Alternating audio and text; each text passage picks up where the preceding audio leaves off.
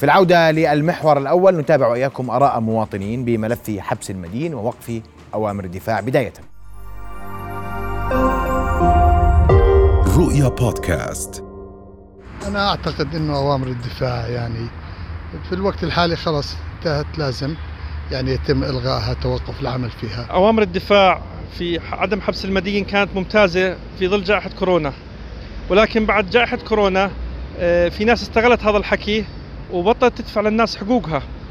يعني أنا من الناس اللي لي على واحد مصاري شكات وبقول لي ما بدي أدفع. مع العلم أنه وضعه المادي كويس بس ما رضي يدفع علي. يقول لي روح بلط البحر. فأنا مع عدم تمديد آه، أوامر الدفاع بحبس المدينة. جائحة كورونا الآن انتهت مبدئيا ولم يعد لها أي وجود لا سواء بالأردن أو بالعالم. هي عبارة عن مسرحية كانت أصلا وسوقوها علينا. شايف؟ بالإضافة لذلك الآن أوامر الدفاع ما عاد لها ضرورة لأن أوامر الدفاع بنيت على أساس وجود كورونا. كورونا انتهت معنى أوامر الدفاع هي تبعية لازم تنتهي. أنا مع حبس المدينة لأنه إحنا للأسف آه، شعب ما بحكمهوش غير القانون والنظام إذا دينت أنا شخص معين مصاري لا يمكن يسد إلا إذا كان في هناك عقوبة رادعة تجبره على السداد. وإحنا مجبرين إن نتعامل مع بعض بالأمور المادية وندين بعض ون... آه، ونقدم خدمات لبعض. إذا ما كانش في إشي يحميني معناته انقطع الخير من الدنيا لأنه شعبنا للأسف ما بيجيش غير بالحبس. أوامر الدفاع هي كانت ضرورية في وقت معين لكن حاليا بتوقع أنه ما إلها داعي. يعني كونه إحنا يعني ك- يعني الوضع الآن ب- انفتح والأمور كلها يعني الوباء خلينا نقول تم السيطرة عليه. لا أنا ما احس مع حبس المدين. لأنه صار هذا القانون ما تمادى في ناس منه بسببه لأنه في ناس معها مصاري بطلت تسد. فبنتمنى أن هذا يعني توق- توقيف قرارات الدفاع ويتم أخذ إجراء حق المدين القانون طيب وجيد ولكن في أشخاص كثر آه، استغلوا القانون بطريقة خطأ. كتجار تضررت بشكل عام. يعني ما بتقدر إنها تطالب بحقوقها من قبل المدين. وهو آه، أركن خلينا نحكي آه، على الطريقة هذه. هذه صارت المعاملات الت- التجارية آه، خلينا نقول تقلصت والوضع التجاري منهك ال- اللي قاعد بيصير بالطريقة هذه. يجب إنها الأمور تأخذ مجرى آخر. في ناس استغلت الأمور هذه بطريقة خطأ. إحنا ضد الحكي هذا.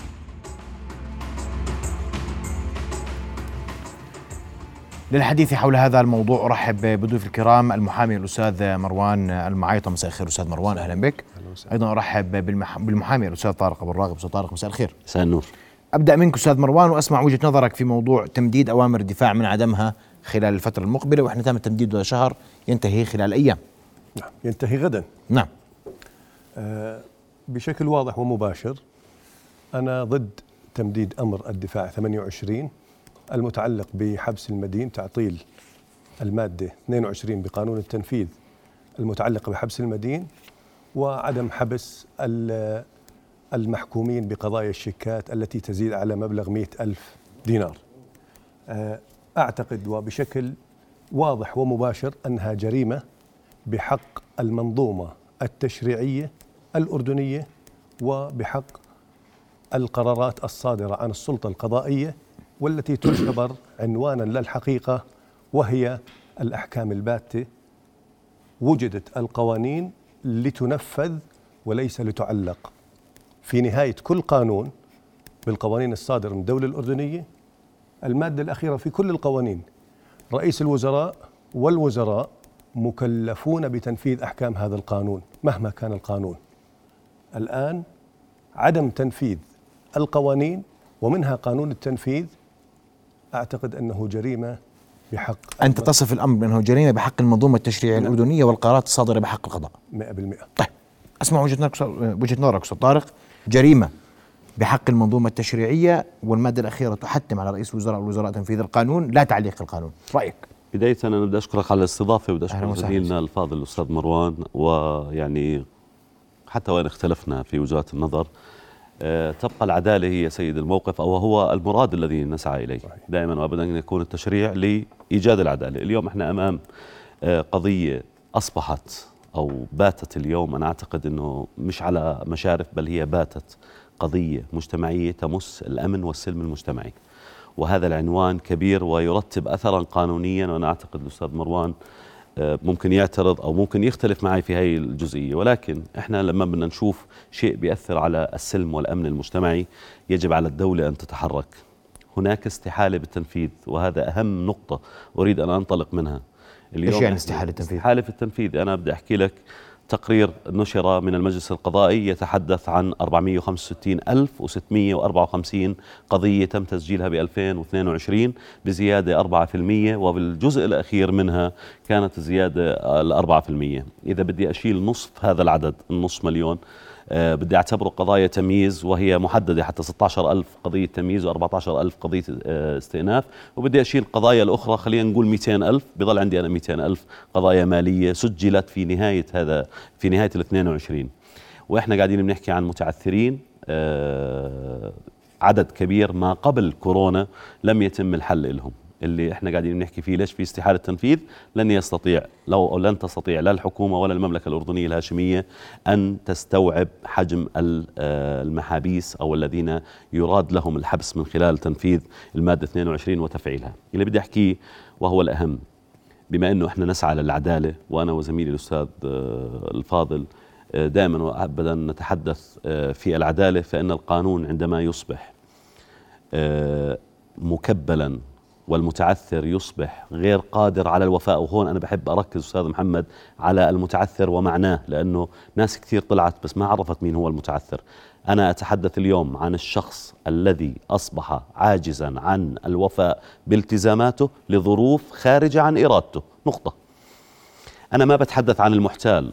اللي احتال على الناس. بالعكس أنا بطالب بإيقاع أقصى العقوبة عليه. أنا ما بتحدث عن المتهرب اللي يملك المال والذي لا يريد السداد. بالعكس أنا بتمنى زيادة العقوبة عليه. أنا أتحدث عن شخص طبيعي وأعطيك أمثلة بسيطة جدا على التعثر وأسبابه الخارجة عن إرادتنا. كورونا سبب. خلينا نقول الناس اللي اشتغلت على خط اللي كان عندها محلات تجارية على خط الباص السريع اللي تعطلوا سنتين بتلك الفترة مثلا هذا سبب خارج عن إرادتنا. تعطيك سبب أهم وهو اليوم كل يوم راح يصير. والموضوع مستمر ولن يتوقف وهو رفع سعر الفائدة. أنا اليوم ماخذ قرض الأستاذ محمد ماخذ قرض من بنك إحدى البنوك إكس كانت سعر فائدته آه، مثلا آه، زيرو. بيخلص قرضه بالواحد واحد 2022 بسبب قرارات البنك المركزي التي جاءت تماشيا وإحنا مش انتقادا تماشيا مع المنظومة العالمية والتضخم الموجود رفعوا الفائدة صار قرضه لل 2023 بس هو بال 2022 مستدين من طارق وكان راح يسدده لأنه راح ينهي قرضه. هذا سبب خارج عن إرادتك. اليوم انت طيب. لما نحكي عن العجز عن الوفاء وأنا هون كمان بدي أحكي بالمنظومة التشريعية إحنا بديش أعيد بجزء من هذا المنبر تحدثنا كثيرا عن المادة 11 في العهد الدولي والتي يستند عليها منطقا وقانونا وشرعا أن حبس المدين عن دين تعاقدي حرام وغير قانوني وغير منطقي يعني الثلاث أمور لا هو منطق لأن المنطق يقول بأن الجسد لا يصبح رهن للمال لا هو قانون لأنه في عندنا العهد الدولي المادة 11 تقول ونصت صراحة والأردن يحترم كل اتفاقياته والعهد الدولي كل اللي ما جاء فيه أصبح قانونا وتشريعا داخليا بالإضافة إلى أنه واجب على المملكة الأردنية الهاشمية وفق اتفاقية فيينا أن تسقط كل اتفاقياتها في تشريعاتها المحليه واجب وهذا الكلام مش كلام ادعاء. أخيرا وليس آخرا الحرام من ناحية شرعية نظرة إلى حين ميسرة. نحن نتحدث بالتأصيل التشريعي للقانون وهو قانون التنفيذ. اليوم طيب. في عنا عقدة وبديش أخذ كل الحديث في, في هذه الزاوية ولكن عنا عقدة بأنه عنا عدد كبير من المتعثرين. الحل بسيط وأنا هنا لا أقول أن يسقط الدين عن أحد.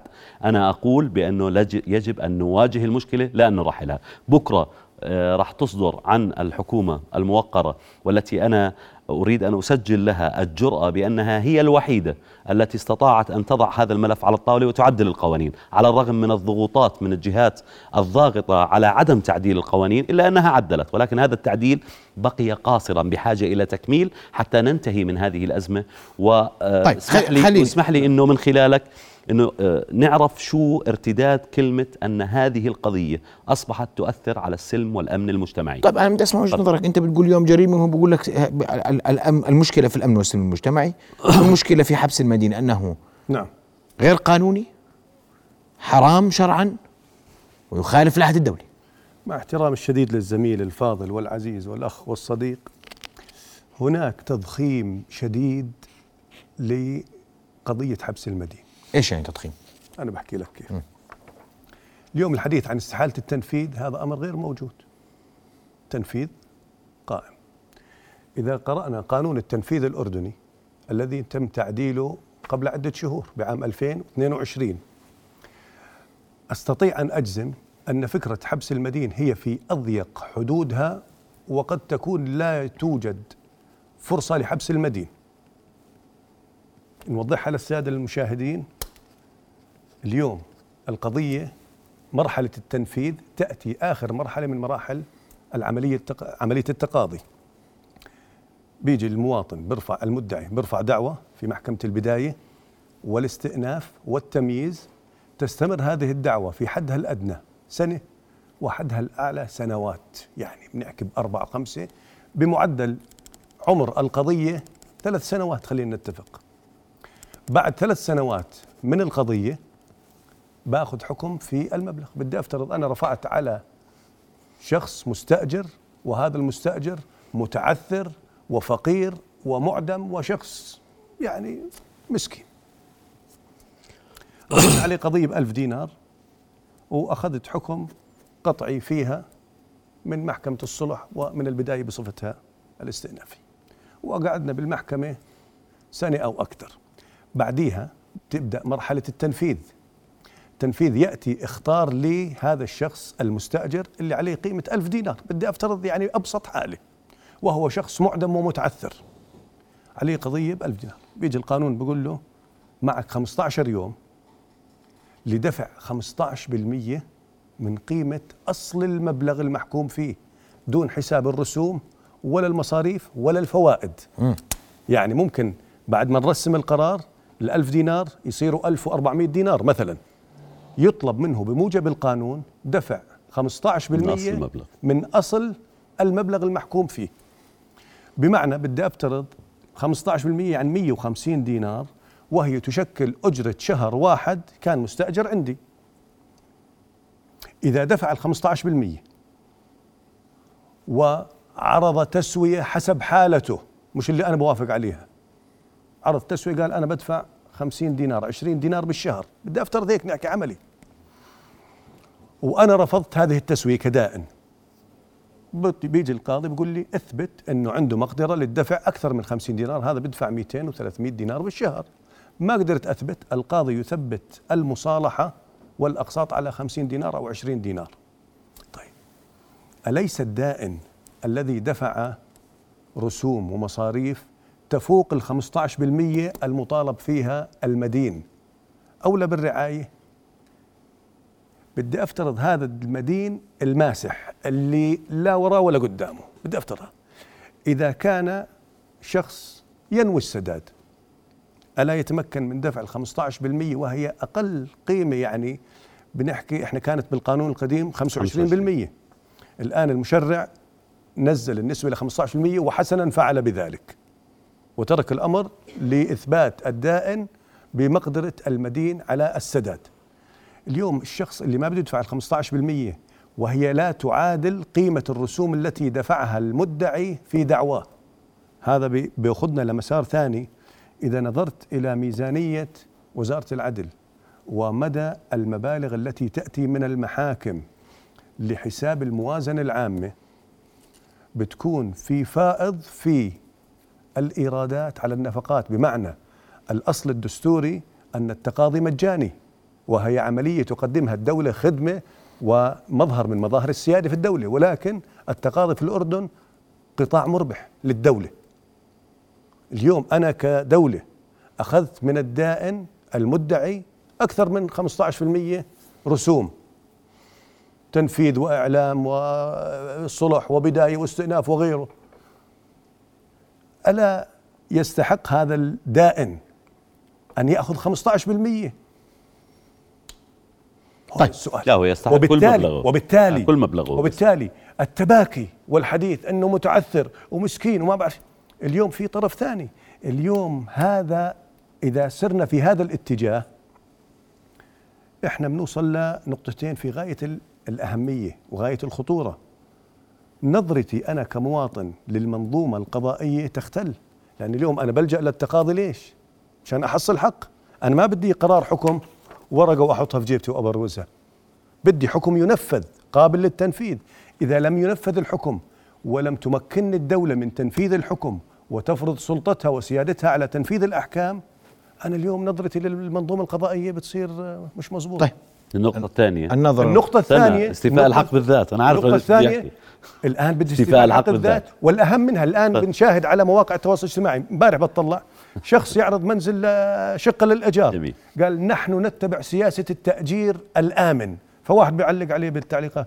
يقول شو سياسة التأجير الآمن؟ قال إحنا بنسأل عن المستأجر هذا اللي بده يجينا شو وضعه هذا وشو الأصل قضاياه وشو كذا. معلش هذا الأصل آه بس هذا الأصل طيب معلش هذا الأصل الشخص المتعثر الذي تدافع عنه وأنا أجي يستاجر عندي وهذا الأصل إني أنا بحثت عنه بقول له أنت روح عند الأستاذ طارق خليه يلقى لك بيت تستأجره جميل. أنا ما بأجرك عندي أنا أنا بس بوضح دمر- بعض دمرنا هذا النقاط. الشخص. آه طيب، بس. بوضح بعض النقاط ال- أستاذنا. الخلاصة في هذه ال- ال- الفقرة أو هذا الكلام إن حبس المدين قضيه تم تكبيرها وبالقانون إذا تابعنا القضية بشكل واضح وشكل دقيق جميل. لا يحبس أحد في القانون أستاذي الأردني أستاذي بس بدي أسأل حضرتك آه، بتنزل على دوائر التنفيذ أنا أنا 25 سنة جميل. محامي أنا أنا طبعا وكل يوم بنزل أنت في المحكمة. أستاذنا للعفو. أستاذنا لا، أنا كل أول يوم شيء بس. بدي أعلق على بعض النقاط اللي وردت حتى نصوب بعض ال- ال- المسائل وليس اختلافا التنفيذ ليس دائما آخر مرحلة في في التقاضي على العكس تم-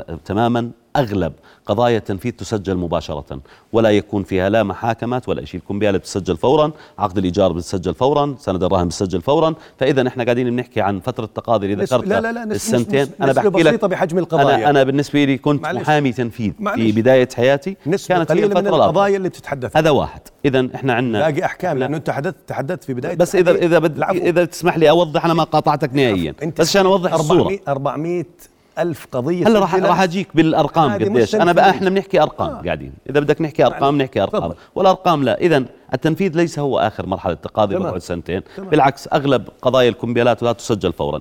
استحالة التنفيذ اللي أنت ذكرت أنها مش موجودة لا أنا بقول لك أنها موجودة بالدليل مش كلامي. هذا كلام اللجنه القانونيه وكلام آه، أساتذتنا. ليه؟ لأنه أنا اليوم عدد المطلوبين أكبر بكثير من عدد استيعاب السجون الأردنية.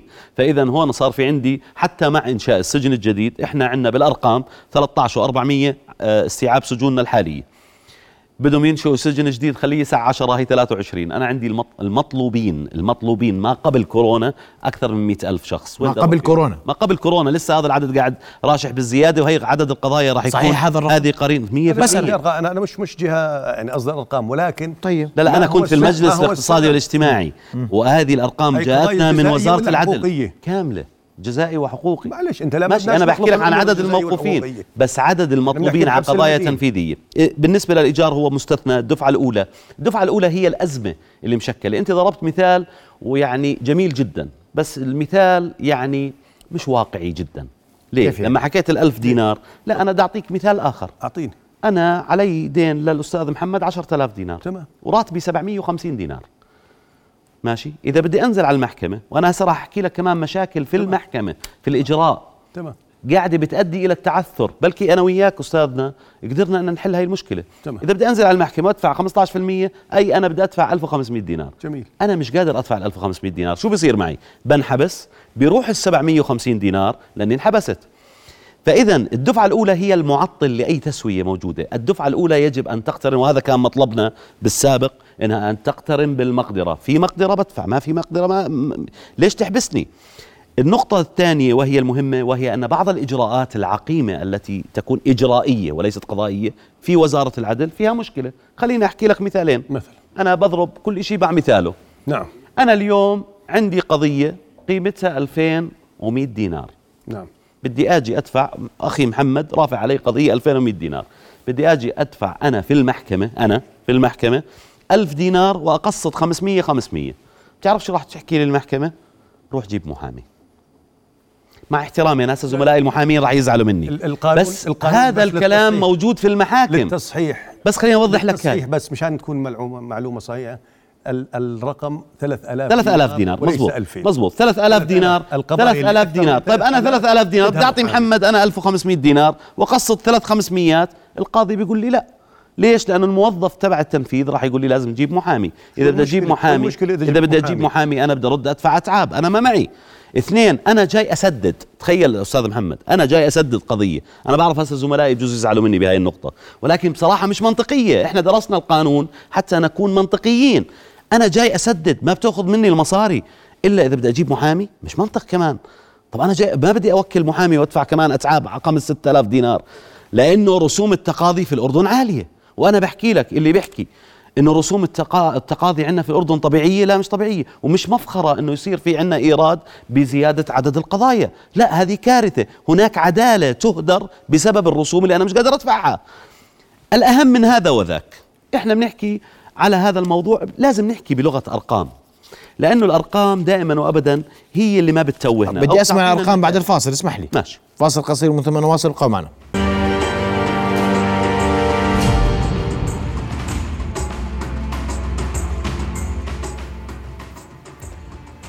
نواصل حوارنا وضيوفنا الكرام وقبل أن نواصل الح- الحوار واعود لك بالأرقام آه، أستاذ طارق أرحب مباشرة بالهاتف بمعالي الأستاذ عبد الكريم الدغمي. معالي أبو فيصل مساء الخير. مساء الخير فيصل الحبيب. لديك سيدي تعليق حول آه، ما يرد آه، في الحلقة وحول موضوع حبس المدين؟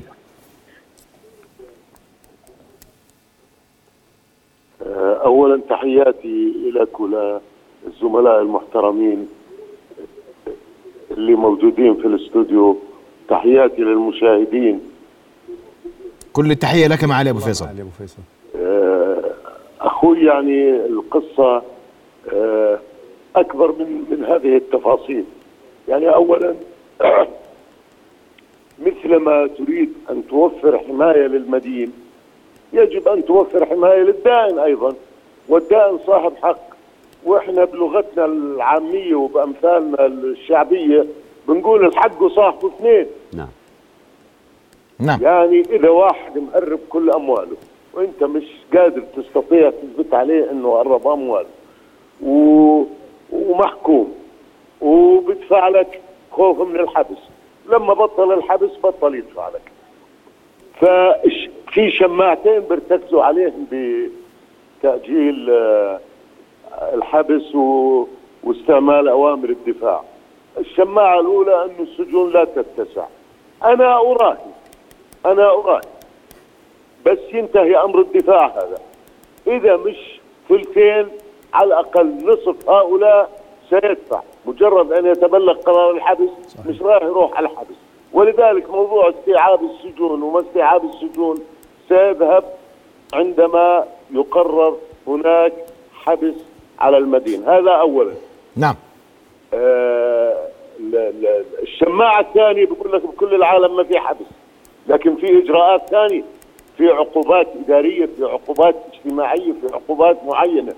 يا سيدي حتى تسوي يا حكومة هاي ال- العقوبات على المدين اللي متعصي يدفع آه تفضل. بعديها الغي الغي الحبس كله. بعدين امبارح كان قانون الحبس بمجلس النواب بالدورة السابقة اللي كنت أنا رئيس فيها. ما التغى الحبس نهائيا؟ ليش يا حكومة ما جبت مشروع نهاء آه، الغاء الحبس نهائيا؟ و آه، يعني عمل عقوبات كما هي في الدول اللي بتقول ما فيها حبس مدين. كيف بده يحصل حقه يعني الدائن إذا كان المدين مخبي كل أمواله أو مهرب كل أمواله ولا يرتدع إلا عندما تأتيه مذكرة الحبس؟ نعم. وأنا أعرف مئات الحالات. مش عشرات مئات الحالات. مجرد ما تبلغ قرار الحبس سبحان الله منين يجيب المصاري ما بعرف. ما بتحس ولا دافع. وأنا محامي ممارس ومزاول وعندي قضايا. بدي اضيف تفضل. يعني ال- ال- البنوك اللي هي آه، لحمها أقوى من عظم المواطن. قسط أو قسطين اللي تأجل خلال جائحة كورونا أو ثلاثة خلينا نقول. نعم. هاي البنوك. طيب المواطن الغلبان الوحدة الختيارة الأرملة اللي ما لها غير أجارها البيت كيف بدها تستده وما عنده شيء تحجز عليه.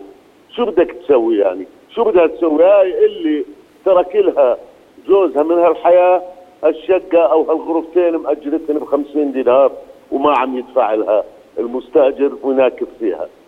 هذا مثل يعني مثل من مفهوم. آه، وليس على طيب سبيل الحظر. معالي أبو فيصل بوجودك معنا اسمح لي أن أسأل هناك من يقول أن هناك اليوم آه، دعوات لعفو عام والعفو العام لغايات التخفيف من قضية حبس المدينة تتفق؟ تختلف. لا العفو العام ما له علاقة بحبس المدينة العفو مدني. لا، لا، سيدي العفو. العام و- وزملائي موجودين يصححوني إذا غلطان. العفو العام يتعلق بالجرائم ولا يتعلق بحبس حبس المدينة على الدين المدني حبس المدينة على الديون اللي اللي للناس على بعضها أو للشركات على بعضها أو للأفراد على بعضهم. حبس المدينة ليس له علاقة بالعفو العام نهائيا. نعم. ها؟ هذا اللي بدي أجاوبك عليه. أشكرك. العفو العام ما له نعم. علاقة بحبس المدينة. نعم. نشكرك. أشكرك. كل الشكر معالي أبو فيصل. تفضل أبو فيصل. تفضل. بس كلمة واحدة تفضل يا سيدي تفضل. يعني أو... الدفاع أوامر الدفاع أو. استعمال قانون الدفاع. اجى مشان جائحه كورونا. جائحه كورونا انتهت. نعم. شو بدك يا رئيس الوزراء بعدك مستلمنا باوامر الدفاع تبعك؟ خلص يا أخي بكفي. أنت مع يعني إلغاء أوامر الدفاع مجموعة معالي أبو فيصل؟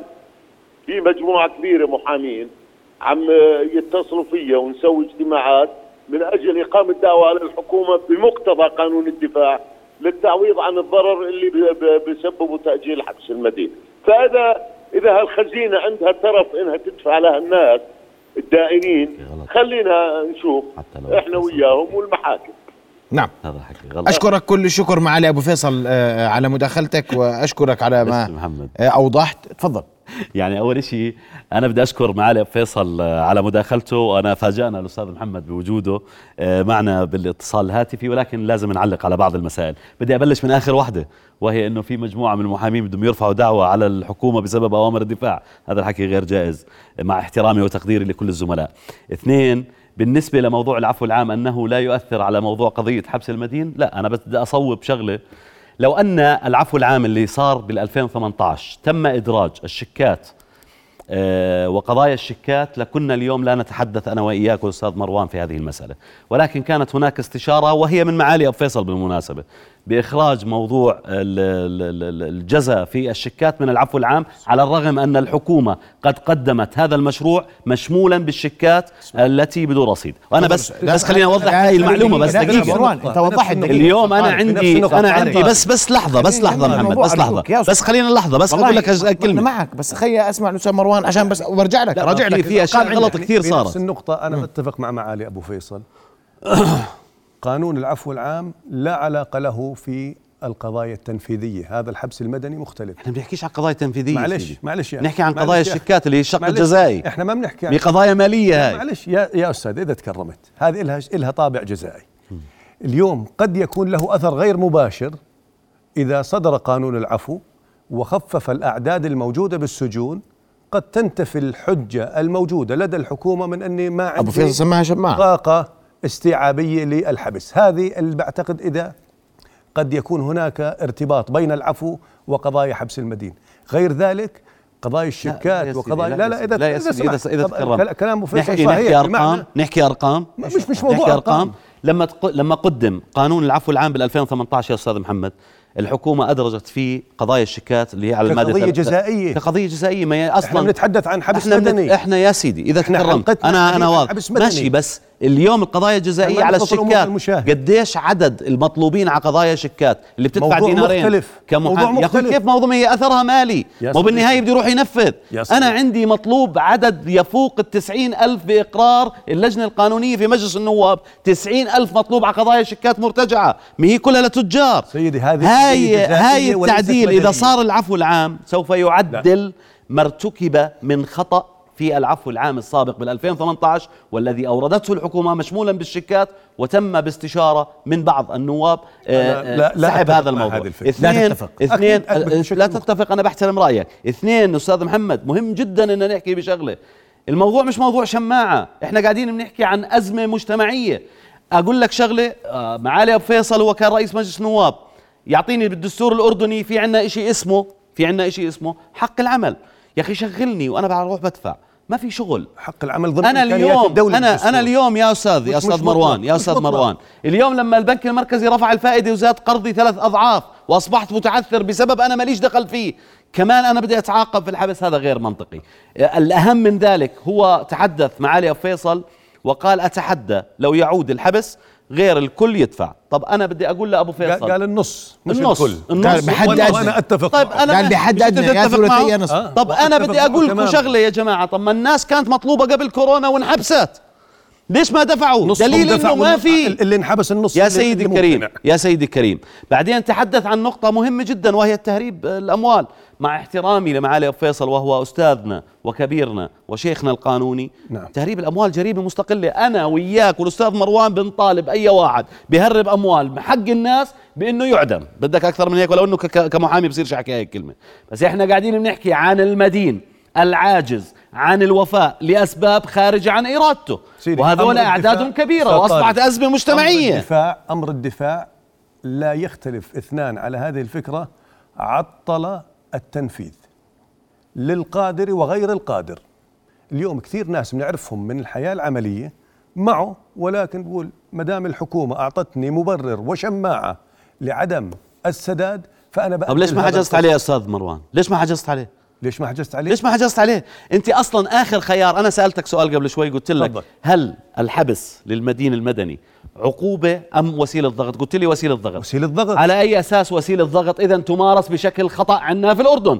أنا لما يكون عندي حجز ويكون عندي منع منع لو منع تنفيذ ويكون عندي منع سفر إحنا. كل اللي بنروح عليه قاعدين الحبس يا لو بس لو نطبق القانون يا ريت. لا يوجد عندنا ريت. مشكلة يا ريت. اليوم قضية انت أنت اعترضت أول ليش يدخل المحامي بالقضية التنفيذية لا لا أنا مش. اعترضت أنا يعني- قلت لك يعني كيف مرات بتصير حالات تتعطل. الدعاوي بطريقة غريبة اليوم وجود المحامي في القضية الحقوقية اللي أقل اللي أكثر من ألف دينار لا يجوز مثول المواطنين فيها إلا بواسطة محامي. والقضايا التنفيذية التي تتجاوز 3000 دينار لا يجوز المثول فيها إلا بواسطة محامي. ليش؟ لأن المحامي هو رجل القانون القادر على متابعة حيثيات القضية. القضية لا تنتهي بالسداد ودفع إنه أنا بدي أدفع. والله ألف دينار. أنا بس خلينا أكمل لا, لا أنا الفكرة. لك والله الكلام لك أدفع أدفع. بس أنا اليوم, المحامي أنا اليوم جاي جلسة كامل. قيمة الدعوة. تمنعني المحكمة ما- اسد إلا بوجود محامي؟ معلش شو المشكلة؟ لا كيف يا أستاذ؟ المشكلة؟ طب أنا معيش أدفع أتعاب محامي. شو المشكلة؟ تقبل. تيجي عندي كمحامي مجانا؟ بقبل. مجانا؟ في في بلاش بس انت على الهواء بكرة بيجوا كلياتهم. مجانا؟ ليش ما في مشكلة؟ لا، المحامي يجب لا أجراً. تقل. الم... بالعكس عندنا في المكتب قضايا سخرة وبالنقابه و... ومساعدة قضائية موجود وين المشكلة؟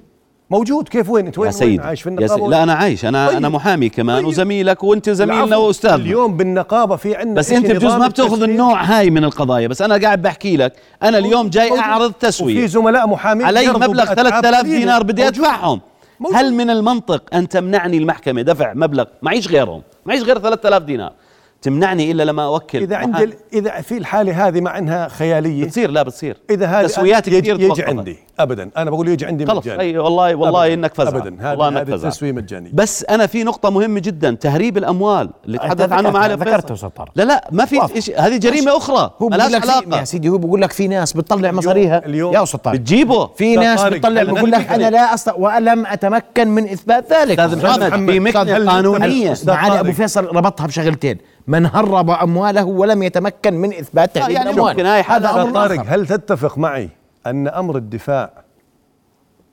ساهم في عدم دفع المقتدرين من المدينين لديونهم؟ سيدي أنا تتفق؟ لا عندي تتفق. عندي تتفق أو لا تتفق؟ عندي موكلين سدوا أي موكل هي رقم تليفونه. 3 مليون دينار أوكي. بارك الله فيك. بارك الله فيك. و- وبثلوا مثايل. بس هذا قادر يسد. في ناس في ناس قادر أقول لك ليش ما قدر يسد؟ في ناس قادر. وما القادر. سد. بس أنا طلعتني من ما السجن. جاوبتني ما جاوبتني. أح- في ناس قادر وما سدش هؤلاء. بشجاعة أمر الدفاع. ممكن. شكرا. ممكن أنا ما بكذب عليك. لا ممكن. اليوم- اليوم وأنا ليش؟ قاعد ليش في ناس مش قادر راح ينظلم؟ أنا بدي أعطيك مثال على الظلم. مين أعطى الحق إنه يتحدد والله اللي فوق مئة ألف ينحبس وال99 ألف ما ينحبس؟ شكرا. شو هذا؟ شكرا. الأصل إنه ما في حبس على الكل وأوامر الدفاع لا زالت مستمرة باستمرار الجائحة والجائحة مع احترامي لم تنتهي ال- الأصل- هناك الأصل وسائل قانونية لإعلان انتهاء طارق. إحنا خففنا الإجراءات الجائحة الاصل لم في. حبس الأصل في حبس مع احترامي الأصل إذا أردنا أن نخرج بحلول أنا وإياكم أستاذي سيدي، إحنا راح الفاضل نخرج بحلول إن لا شاء لا الله. الأهم من ذلك إنه اليوم الخطأ الذي تم في عفو 2018 بعدم إدراج الشيكات بدون رصيد في ضمن هذا العفو اللي اليوم إحنا في عنا عدد من هذاك التاريخ من عمال 2018 حوالي مئة ألف واحد معلقين يجب أن. يتم رفع الغطاء الجزائي عن الشيكات هذا قولا واحدا. فورا بأثر فوري. واثنين تفتح التسويات. أنا اليوم ليش أظني أستنى تأجيل؟ حتى الحكومة هي عشان أنا وياك نتفق بهاي الجزء. أنا مش مع التأجيل. نعم. أوامر الدفاع. مش مع التأجيل عدم حبس. لا أنا مع إيجاد حل حقيقي لهذه القضية. لأنه اليوم أجل. اليوم بكرة الحكومة أجل. تت... طيب الحكومة تتجه اليوم للتمديد؟ التسويات أنا برأيي سياسة 100% الحكومة واضحة باتجاه التمديد وهو قرار أنا برأيي آه، مثل ما وصفته في بداية الحلقة جريمة. أستاذ طارق. هذه يعني يعني أقل شيء ممكن أن تقدمه الحكومة وهو التمديد وليس تمديدا قصير أيضا. أنا مع إنه مع هذا التمديد أن يتم رفع الغطاء الجزائي فورا وفتح التسويات، خلينا نسد. وبعديها ببين المحتال راح يتصنف بدوش يسد. نعم.